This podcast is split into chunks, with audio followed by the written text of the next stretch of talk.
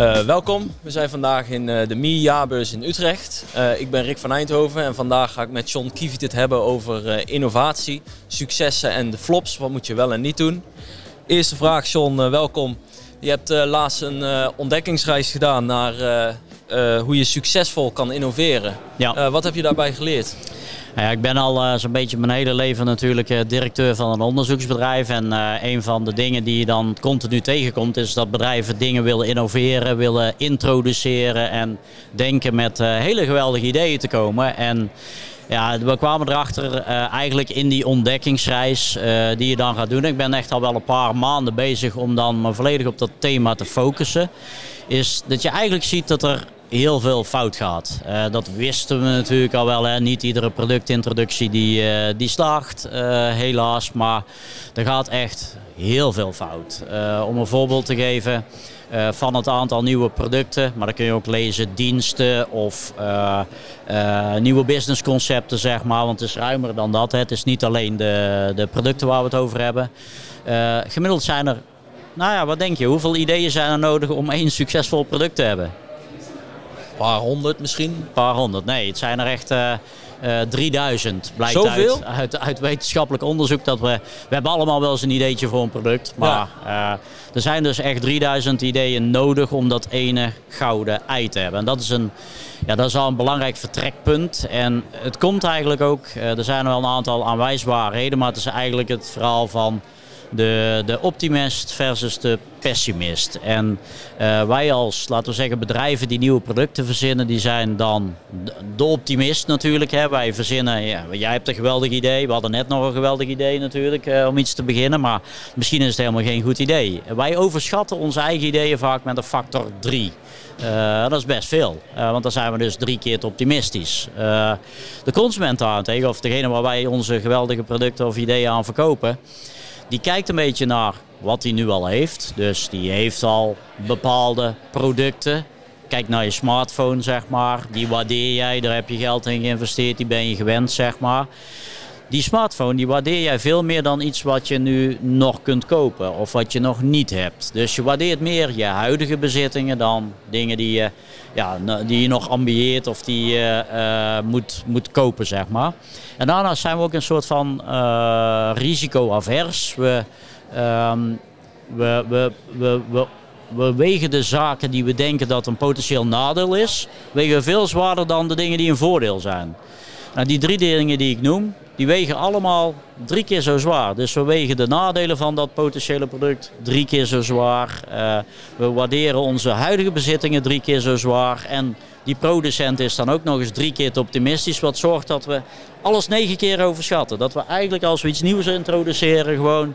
We moeten negen keer zo goed zijn dan het bestaande product. Dus het moet echt een topidee zijn. Het moet echt, echt, moet echt wel een topidee zijn, anders ben je echt volstrekt kansloos. En...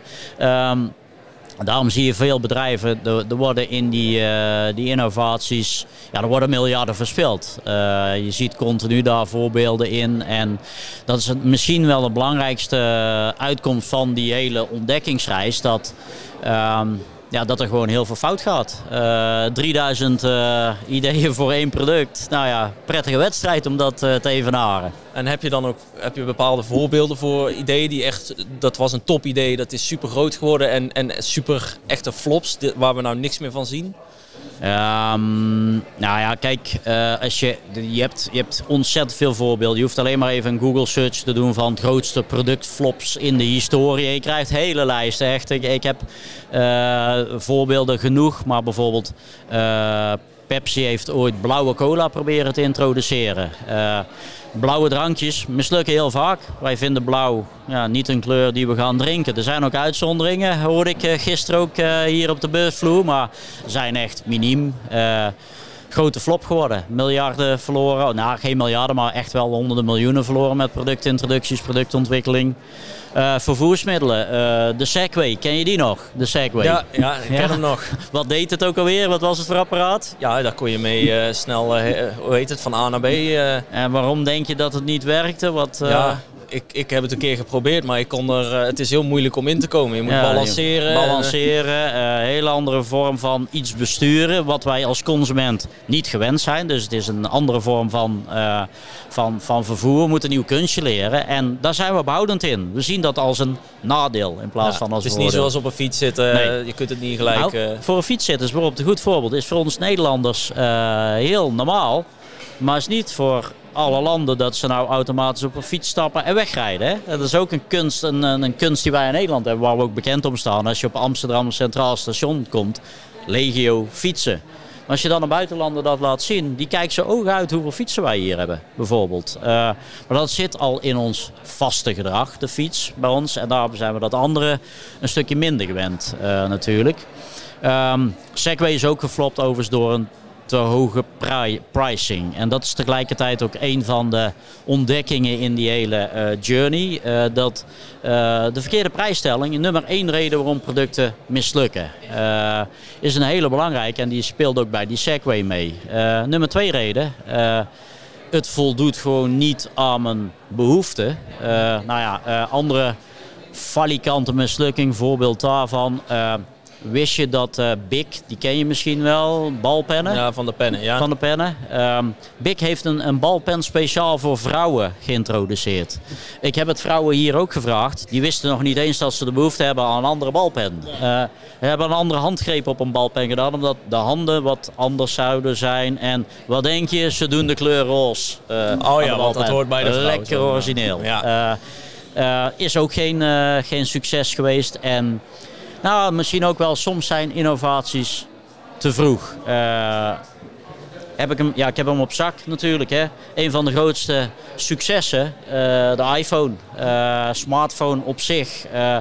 Maar een decennium daarvoor, de Apple Newton. Ken je die nog? Heb je ooit van gehoord? Nee, ik ken, nee Niet niet voor echt. mijn tijd denk ik. was een apparaatje wat leek op de iPhone. Was allemaal touchscreen.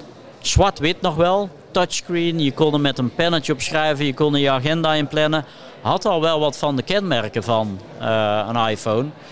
Maar is ook valikant mislukt. Dus die geniale Steve Jobs, wat overigens wel een, een hele goede innovator heeft, die had ook al gewoon een, eh, gewoon een, een big fail eh, tien jaar daarvoor. Nou, het Eh, was te vroeg. het was, ja, dat is, timing is een nummer drie. Eh, time to market. Nummer drie, dat het te veel, zeggen ze. We waren of te laat of te vroeg misschien met de introductie. Dus timing is ook zeker belangrijk. Ja, zie je ook continu in dingen.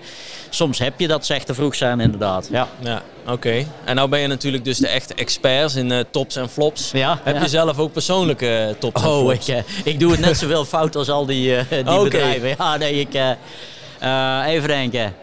Ja, ehm, Google Glass. Herinner je dat nog? Ja, Eh, ja. Dat gekke brilletje van Google. Ik denk dat het eh, 2014 was. Ik ben, eh, ik zeg altijd, ik ben een halve marketeer, een halve ondernemer en een halve IT-nerd. Dus ik vond dat geweldig. Ik denk dat wordt de nieuwe... Ja, dat de- dacht ik ook. de nieuwe, de nieuwe smartphone. Dus Ja. ik ben brildagen, dus al een bril gewend. Dus ik denk, ik ga heel veel met die Google Glass doen. Ik ga daar een bedrijf in beginnen wat er apps voor, voor gaat bouwen. Eh, dus ik was echt heilig van overtuigd dat eh, Google Glass het ging worden. Ehm was een van de eerste 20 mensen in Nederland die zo'n ding had. Eh. Moeilijk via het buitenland aan moeten komen. Eerst buitenlandse creditcards nodig had, want je kon ze bijna niet aankomen. Maar toen ik hem eenmaal op had, was ik ook nog wel enthousiast, maar het bleek gewoon heel slecht te werken. Het ding crashte, het werd warm. het was eigenlijk veel minder makkelijk dan mijn, dan mijn smartphone. En toen werd mijn enthousiasme al wat minder. En toen gingen we uiteindelijk bij Multiscope de consument erom vragen wat hij ervan vond. En het bleek ten eerste, iedereen kende het al. Iedereen had al wel een beeld van wat het kon. Maar niemand had er behoefte aan. Oké, dus de naamsbekendheid was hoog, maar de behoefte was er Was er niet. Sterker nog, we waren een beetje bang van het ding. Want als je die Google Glass op had, dachten we allemaal dat we stiekem foto's aan het maken waren. Dus je had gelijk grote privacy issues. eh, Ja, en ik weet nog pakken. dat ik het er niet uit vond zien, persoonlijk. Nee, nou, een- dat was hartstikke cool, Dat maar... antwoorden mensen op dat onderzoek ook. Ze vonden het een maf brilletje. Eh, ze vonden het een gek ding. eh, als je zag wat we toen terugkrijgen. En daar zat maar een half jaar tussen dat ik heel enthousiast was. En uiteindelijk dat ik het in de prullenbak kon gooien. Want er, was, er bleef niks van over toen. Dus eh, ik zat er eh, toen ook naast. Ik was destijds, dat is het, nu, nu is het alsof opa vertelt, zeg maar, het was rond de eeuwwisseling, rond 2000 had je al een voorloper van mobiel internet. WAP. Ja. was al een trage vorm van internet. Heb ik ook al veel geld mee verloren door te denken dat dat de juiste timing was om daar al websites of iets wat toen op apps leek voor te gaan bouwen. Maar dat was ook een gigantische flop. Dus ja, ik, uh, ik ben ook maar N is 1. Uh, als je het niet zelf onderzoekt, ja, dan, dan doe je het net zo vaak fout als het gemiddelde bedrijf, denk ik. Ja, dat waren mijn grootste mislukkelingen. En ik denk, eh, als ik het optel, ik ben misschien wel 100.000 euro verloren met uh, die twee experimenten. Ja. Oké. Is er wel ergens dat je denkt een rode draad te vinden in wat werkt wel, wat werkt niet? Wat moet een, een iemand met een nieuw idee wel doen en wat moeten ze absoluut niet doen? Ja, want daar heb ik, uh, uh, daar heb ik dus veel van mijn research in gedaan. En er, er blijken wel een aantal handvaten. En eigenlijk zijn er vier hoofddomeinen die je in een soort model kunt stoppen. We hebben een innovatie scorecard gemaakt uh, waarin je eigenlijk vier hoofdonderdelen hebt. Het begint allemaal met de consument of met jouw doelgroep. Het kan ook een zakelijke beslisser zijn. Uh, de consument, uh, jouw innovatie, daar zijn vijf factoren die meetellen. Die ga ik zo proberen te duiden. Je hebt natuurlijk jouw bedrijf, moet innovatiegericht zijn. En je hebt uiteindelijk je marketingstrategie. je kunt een topproduct hebben, maar als je geen goede marketingstrategie hebt, als je je bedrijf niet kennen, dan gaat het niet, niet lukken. Nou, die consument bijvoorbeeld, uh, die moet echt wel een behoefte hebben daaraan. Dat bleek bij die Google Glass bijvoorbeeld fout te gaan. Maar die consument leeft ook in een wereld vol met trends. Een trend is een trend nu is bijvoorbeeld dat wij, wij zijn verwende consumenten. Wij willen alles nu hebben. Dus je ziet, die bezorging moet deze dag nog komen. Je ziet flitsbezorging binnen 10 minuten. Dus we willen alles direct op ons af uh, laten komen. Nou, die trend zou je kunnen gebruiken om nieuwe diensten te introduceren. Dan surf je eigenlijk mee op die golf van die trend. Uh, die consumentenbehoeften die kun je onderzoeken, die kun je toetsen, die kun je meten. Je hebt behoefteonderzoek. Uh, er zijn verschillende methodieken voor. Ik zou het bedrijf ook zeker adviseren om dat te doen. Uh, niet vanuit hun eigen idee te denken, maar met Wat die consument, het samen ja. doen. Er zijn ook veel methodieken om samen met consumenten te innoveren. Co-creation, ze naar een mening te vragen of naar hun, hun pijnpunt of naar hun ervaringen. Um, Tegelijkertijd, consument, daar begint het en eindigt het. Want daar moet een behoefte zitten en die moet jouw product gaan kopen. Uh, Meneer Rogers, dat is uh, uh, van lang geleden uh, Diffusion of Innovations. Die heeft onderzocht hoe innovaties tot, tot leven komen, zeg maar. Die had vijf dingen. Die zegt eigenlijk, je product moet voldoende voordelen hebben. Nou, we zitten vandaag in een podcasting studio bijvoorbeeld. Dit heeft een voordeel ten opzichte van andere middelen. Uh, we kunnen het opnemen, het kan later uitgezonden worden. Is duidelijk dat we hier nu zitten en dat dat werkt, zeg maar. Het heeft een duidelijk productvoordeel. Dat had de Google Glass niet ten opzichte van ja, een uh, smartphone uh, bijvoorbeeld. Het moet een voordeel hebben.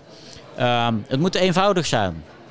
Die Google Glass was absoluut niet eenvoudig. Was niet aan de praat te krijgen. De apps werkten niet. Het ding crashte. Uh, het moet herkenbaar zijn bij ons huidige gedrag. Uh, die Segway was wel... Vervoer kenden we, maar het was niet... Ja, het was niet herkenbaar genoeg. Fietsen is dit. En Segway was balanceren. We herkenden dat niet. Met, uh, een andere vergelijking is bijvoorbeeld... We kenden het concept bellen al wel. Dus daarom werkt de mobiel bellen ook. Want we hoeven alleen die draad door te knippen en te gaan lopen. Tegenwoordig zie je consumenten ook gewoon op straat lopen bellen. Dat concept kennen we. Uh, dat is bekend bij de mensen. Er zijn er al drie dingen waar het aan moet voldoen. En je hebt uh, een beetje de, de zichtbaarheid op straat. Ik weet niet of je dat kent. Dat je op een gegeven moment in een straatbeeld in één keer dingen om je heen ziet. En dat je denkt, hé, hey, ja, wat is dat? Zo'n blauwe band van Swapfiets Swapfiets bijvoorbeeld. is een voorbeeld. Okay. Maar ook de de, de, de, de, van AirPods Apple. van Apple. de witte oortjes. Zeg maar. Op een gegeven moment zie je ze allemaal om je heen. En dan denk je van, hé, hey, wat Ja, is hey, dat? daar wil ik Eh, ook bij horen. Misschien wil ik daarbij horen. Ja. Eh, de, de Go-scooters die in één keer in iedere stad eh, waar je over struikelt, zeg maar. Eh, ehm, en dat is ook... Nou, dat is dan eigenlijk het laatste criterium. Innovatie moet ook probeerbaar zijn. Het moet makkelijk, ik moet makkelijk tot mijn beschikking zijn. Ik moet bijvoorbeeld de eerste iPhone moet ik bij jou zien en even kunnen testen. Eh, die oortjes van Apple, die Go Scooter is een laagdrempelig iets waar je gewoon, ja, je downloadt een appje, je, je scant je paspoort voor mij was het en je kunt erop stappen. zo ben ik ook begonnen met, ik dacht, hé, hey, die groene Go Scooters, die zie ik overal, laat ik eens kijken. Je kunt gewoon een app downloaden en, en gaan. En dan, ja, nu gebruik ik het bijna iedere dag. Ja, nou, het is dus, een, uh, en het concept van, van A naar B, je wilt gewoon comfortabel, goedkoop, van A naar B komen. En daar voldoet het aan. Dus die, eh, die zit wel goed. Dus het zijn eigenlijk die vijf factoren. Nou, dan heb je verder het bedrijf waar je die innovatie mee wil doen, dat kan nog wel eens in de weg zitten.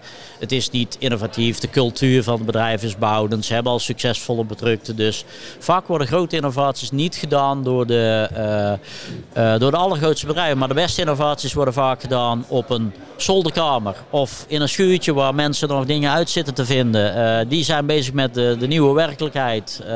alleen die hebben die andere twee factoren die zij nodig hebben je hebt vaak niet het juiste budget. En daar kan een bedrijf, een grote bedrijf wel voor zorgen. Veel budget en tijd en prioriteit. Sommige innovaties komen ook echt te vroeg. Kijk, um, ik ben bijvoorbeeld, uh, ik, ik denk persoonlijk dat nou, uh, Facebook zet in op uh, de metaverse. Mm -hmm. uh, ja, ze hebben zelfs een hele naam veranderd. Hele naam veranderd in het heet meta tegenwoordig. Ik denk dat het een falikante flop wordt. Er gaat echt ja? helemaal niks worden. Ja, ik, ik, ik voorspel dat die Mark Zuckerberg... Ik las gisteren zelfs dat hij dat mijn theorie misschien al eh, gaat werken. Want hij is al de helft van zijn, zijn, zijn kapitaal kwijt. Hij was een van de rijkste mensen. 100 miljard las ik ergens voor mij. En heeft nu nog 50 miljard. Hij zet volledig in op die metaverse, op die virtuele wereld. En als ik ze dan door dat model heen haal van... Heeft de consument daar behoefte aan? Ik... Nou, misschien nu met online werken. Tegenwoordig gaat alles steeds meer thuis en online. Ja, maar dat kan ik ook gewoon met videobellen. Uh, ik heb al bestaande tools. Is zijn productvoordeel negen keer groter dan, dan wat, uh, wat ik nu al op mijn bureau heb staan, zeg maar. Uh, dus ik ben, ja, ben heel negatief over de metaverse. Ik zie het voordeel niet voor de, voor de klant. de zichtbaarheid, de probeerbaarheid. Heb je, heb je een bril om het in de meta... Weet, weet jij hoe die in de metaverse moet komen? Ik heb geen ik idee. Toevallig wel. Toevallig wel. Er dus... zijn meerdere manieren. Je hebt niet per se een bril nodig. Maar ja, ja maar dan is het niet echt. Hè? Dan is het niet nee. mijn virtuele wereldje zeg maar, waar ik in stap. Dus dat is een soort van ja, fake metaverse of zo. Uh, ik denk wel dat het... Uh, voor mensen, nou, mijn zoon kent die virtuele wereld, die gamet zeg maar. Voor gaming misschien wel. Uh, maar ik, uh, ik denk niet dat dat uh, voor, nee, voor Zuckerberg een heel groot succes gaat worden. Sterker nog, ik denk dat het een kantelpunt in zijn bedrijf wordt als hij op dat inzet. En ik vraag me ook af of ze dat getest hebben. Of ze daar bij consumenten überhaupt gekeken hebben of dat dat gaat werken. Want als ik hem toets van is het eenvoudig? Nee, het is niet eenvoudig. Is het herkenbaar met huidig gedrag? Voor mij helemaal niet. Is het makkelijk te proberen? Nee, ook niet. Uh, biedt het duidelijke voordelen? Nee, nou, dan, dan kan ik hem eigenlijk al doorstrepen. Ik hoef hem niet eens te toetsen volgens dat innovatie scorecard model wat we gemaakt hebben. En Um, ik geloof wel dat hij de tijd en het geld ervoor heeft om ja, dat erin zeker. te doen. En hij gaat het ook zeker twee jaar proberen. Hij, hij, gaat, dat zie je ook, uh, al die grote productflops die... Uh, ja, gemiddeld duurt het twee jaar voordat ze toe durven te geven misschien dat het niet werkt. Maar ik, uh, nee, ik, ik geloof echt niet in de metaverse. Jij wel? Ja, nou, ik vroeg me af, geloof je dan ook niet in het metaverse als geheel? Want je hebt natuurlijk, Mark Zuckerberg heeft nu de eerste versie, daar is hij mee bezig. Ja? Maar je kunt er ook naar kijken, net zoals in de dotcom boom zijn er eerst heel veel innovatieve ja, bedrijven. Ja, die zijn allemaal keihard gecrashed en uit die ravage zijn bijvoorbeeld Facebook en Amazon zijn eruit gekomen. Ja, het zou kunnen. Nou, oké, okay, daar zit wel een kans, maar ik geloof dat hij er eerst heel veel geld op gaat verliezen. Uh, ik denk zeker de komende vijf tot tien jaar misschien wel. Maar er zijn um, meerdere metaverses hè, nu al. Denk je dat die allemaal de afgrond Meerdere ingaan? metaverses, vertel, want ik, ik ben er ook Ja, om te ontdekken. ik, heb geen idee. Je hebt Meta van, van Facebook, Ja, van. Mark Zuckerberg, maar je hebt ook eh, Decentraland. Dat is, eh, Ja. dat is in, op, via crypto, dus dat is meer eh, off-center. Nee, die ken ik niet. Wat, wat, wat doen die exact Nou, die dan? hebben bijvoorbeeld, en dat is, dat is een beetje het argument waar ik naartoe wil. Je ziet eh, bij Decentraland zie je heel veel grote bedrijven, denk aan eh, Disney, eh, Ja. McDonald's. Ja. Die hebben daar eigen winkels geopend, Oh, eigen dingen geopend. Ze hebben een tweede Second Life geopend. Ken je die nog? Second Life, ja. Daar, ben je, daar ben je denk ik te jong voor. Nou, dat ken ik Ook niet, nee. Dat had je 10, 15 jaar geleden ook al. Daar hadden we ook al een soort, probeerden ze pogingen tot een virtuele wereld te maken. Ja. Waar bedrijven zoals ABN AMRO of grote Nederlandse bedrijven ook hun eigen vestigingen in konden openen. Daar kon ik ook van A naar B zweven en ik kon, maar ik kon spelletjes doen. Ik kon mensen ontmoeten zoals jij in de virtuele omgeving. Maar Oké, het was niet via een bril, het was niet via een 3D-bril of een VR-bril. Het was op mijn Maar dat is of PC. de- iets te vroeg, maar het kan wel werken. Ja, die was veel te vroeg, denk Ja. ik. Maar die Decentraland, werkt dat voor jou dan? Ja, momenteel niet, omdat het in, een, in, een, in de beginfase is. Ja, maar als je ja, dus ziet dat al die grote bedrijven zoals McDonald's en zo erin gaan, die hebben ook superveel geld. Daar zitten ook marketeers achter die Ja. eh, consumenten eh, erbij Maar het betrekken. begint ook met de apparaten die er nog niet zijn, denk ik. Eh, die VR-brillen, daar doen wij veel onderzoek naar, naar die markt bijvoorbeeld. Er zijn nog te weinig consumenten die zo'n ding hebben. De toepassingen die er zijn zitten vooral in de gamingwereld. Ja, dat is vet, tuurlijk. Hè? Mhm. Lekker shooting games om je heen schieten, helemaal VR en je, je loopt in een virtuele wereld. Eh, daar kan ik me wel iets voorstellen. Maar dan die stap verder dat het hele leven gedigitaliseerd wordt. Dat we dit soort dingen eh, op, een, op een beurs gaan doen in VR. Ik ben blij dat ik hier ben. Ik ben blij dat ik weer mensen zie, zeg maar. Dus, ja, eh, ja, zeker. Maar dat is natuurlijk, nu heb je nog dat we heel veel conventies, beurzen, je gaat nog wel eens naar buiten. Maar misschien over 20 jaar, je ziet nu al sinds corona een shift in. ja. Eh, we gaan steeds meer thuiswerken. Straks zijn er misschien helemaal geen kantoren meer. Ja. Worden al die kantoren weggedacht. Ja, als je dan eh, zo'n soort metaverse hebt voor dat soort toepassingen, zou dat dan wel werken? Nou, ik denk dat dat nog wel. eh, ja, de, ik denk dat we het hebben over een kwestie van timing. in dat geval. Maar ik denk dat het nu veel te vroeg is nog om dat concept te omarmen. Dus ja, ik durf wel de voorspelling te doen dat dat een flop wordt. En dat dat nog echt.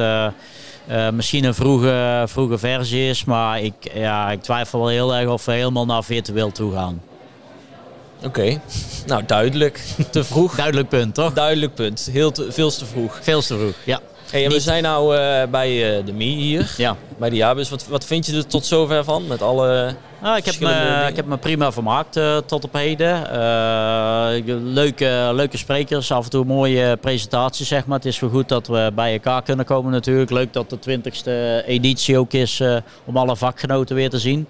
Wat ik nog wel een beetje mis zeg maar, op het evenement is dat ik de, de eindklant nog een beetje mis. Het, zijn, het is toch een beetje het wereldje van de onderzoekers en van de data insights specialisten, zeg maar. Dus ja, ik heb wel een, een puntje van feedback dat ik meer zou willen dat ook de, de, de bedrijven, de beslissers daar, denk ik dat we ook meer bij dit vak moeten betrekken, zeg maar. Het is toch vooral, we zijn elkaar nieuwe toeltjes aan het leren en we zijn elkaar eh, aan het tegenkomen en elkaar handen weer aan het schudden. Ik mis een beetje mijn, eh, ook mijn eindklanten, zeg maar, die ik nog niet weinig hier zie lopen, zeg maar. Misschien hebben ze te druk met andere dingen, misschien Nou, eh, de loopt de business weer goed en Ja. maar ik vroeg het gisteren in mijn eigen presentatie. Het viel me op dat er ja, voornamelijk researchers zitten, zeg maar. Dus het is vooral een, een evenement van eh, de researchers. Maar het is goed dat het er is. En eh, we gaan eh komende jaar zelf nog wel wat andere dingen proberen. Dus het is goed dat we elkaar weer kunnen ontmoeten. En dat we ook hier tegenover elkaar kunnen Ja, zitten. zeker. En niet in VR Nee, overigens. nee, in het echt is toch altijd het wat beter. leven, ja. ja. En jij bent natuurlijk nou de innovatie-expert. Je hebt je verhaal nou ook hier gedeeld, maar ook op Mhm. je presentatie. Heb je van andere mensen die bepaalde dingen hebben onderzocht nog iets, niet iets meegekregen? Of is er nog iets opgevallen qua Op de, de, de, beurs nieuwste hier. trends? Ja, ik denk dat hier op de beurs natuurlijk het gaat steeds meer van vragen van meningen naar data. Er staan steeds meer datapartijen eh, Oké, ja. hier denk ik ook. Eh, het analyseren van bestaande data. AI gaat eh, een rol spelen in ons vak natuurlijk. Daar zie je dingen. En ik heb wel een paar denkrichtingen waar wij ook nog wat in, eh, in kunnen doen. Maar ja, die kan ik natuurlijk niet allemaal eh, nu, eh, nu, gaan de- nu gaan delen. Dat, dat zit ook tussen vakgenoten. Dus daar moeten we een beetje rekening mee houden. Maar er, er gaat wel veel, eh, er moet nog veel veranderen in ons vak om weer bij te blijven. Om die consument ook gewoon bij te benen. Ja. Wat hij wat die doet. eh. Ja, en ik heb nou gehoord, je hebt 3000 goede ideeën nodig. Dus, 3000 eh, goede ideeën. We Dus hebben ik nog moet de er hele nog- dag om... en dan gaan er dus nog meer, meer dan 2900 mislukken. Dus Ja, moeten we iedere dag drie verzinnen inderdaad. Ja, we hebben nog wel wat te gaan inderdaad. Ja. Nou, ik denk dat we hem daar mooi op af kunnen ronden, niet? ja. 3000 goede ideeën. En Dus dan gaan we morgen weer drie nieuwe ideeën verzinnen denk ik. Ja, iedere Alright. dag drie nieuwe. Dankjewel voor deze... Dankjewel. Ja, jij ook bedankt.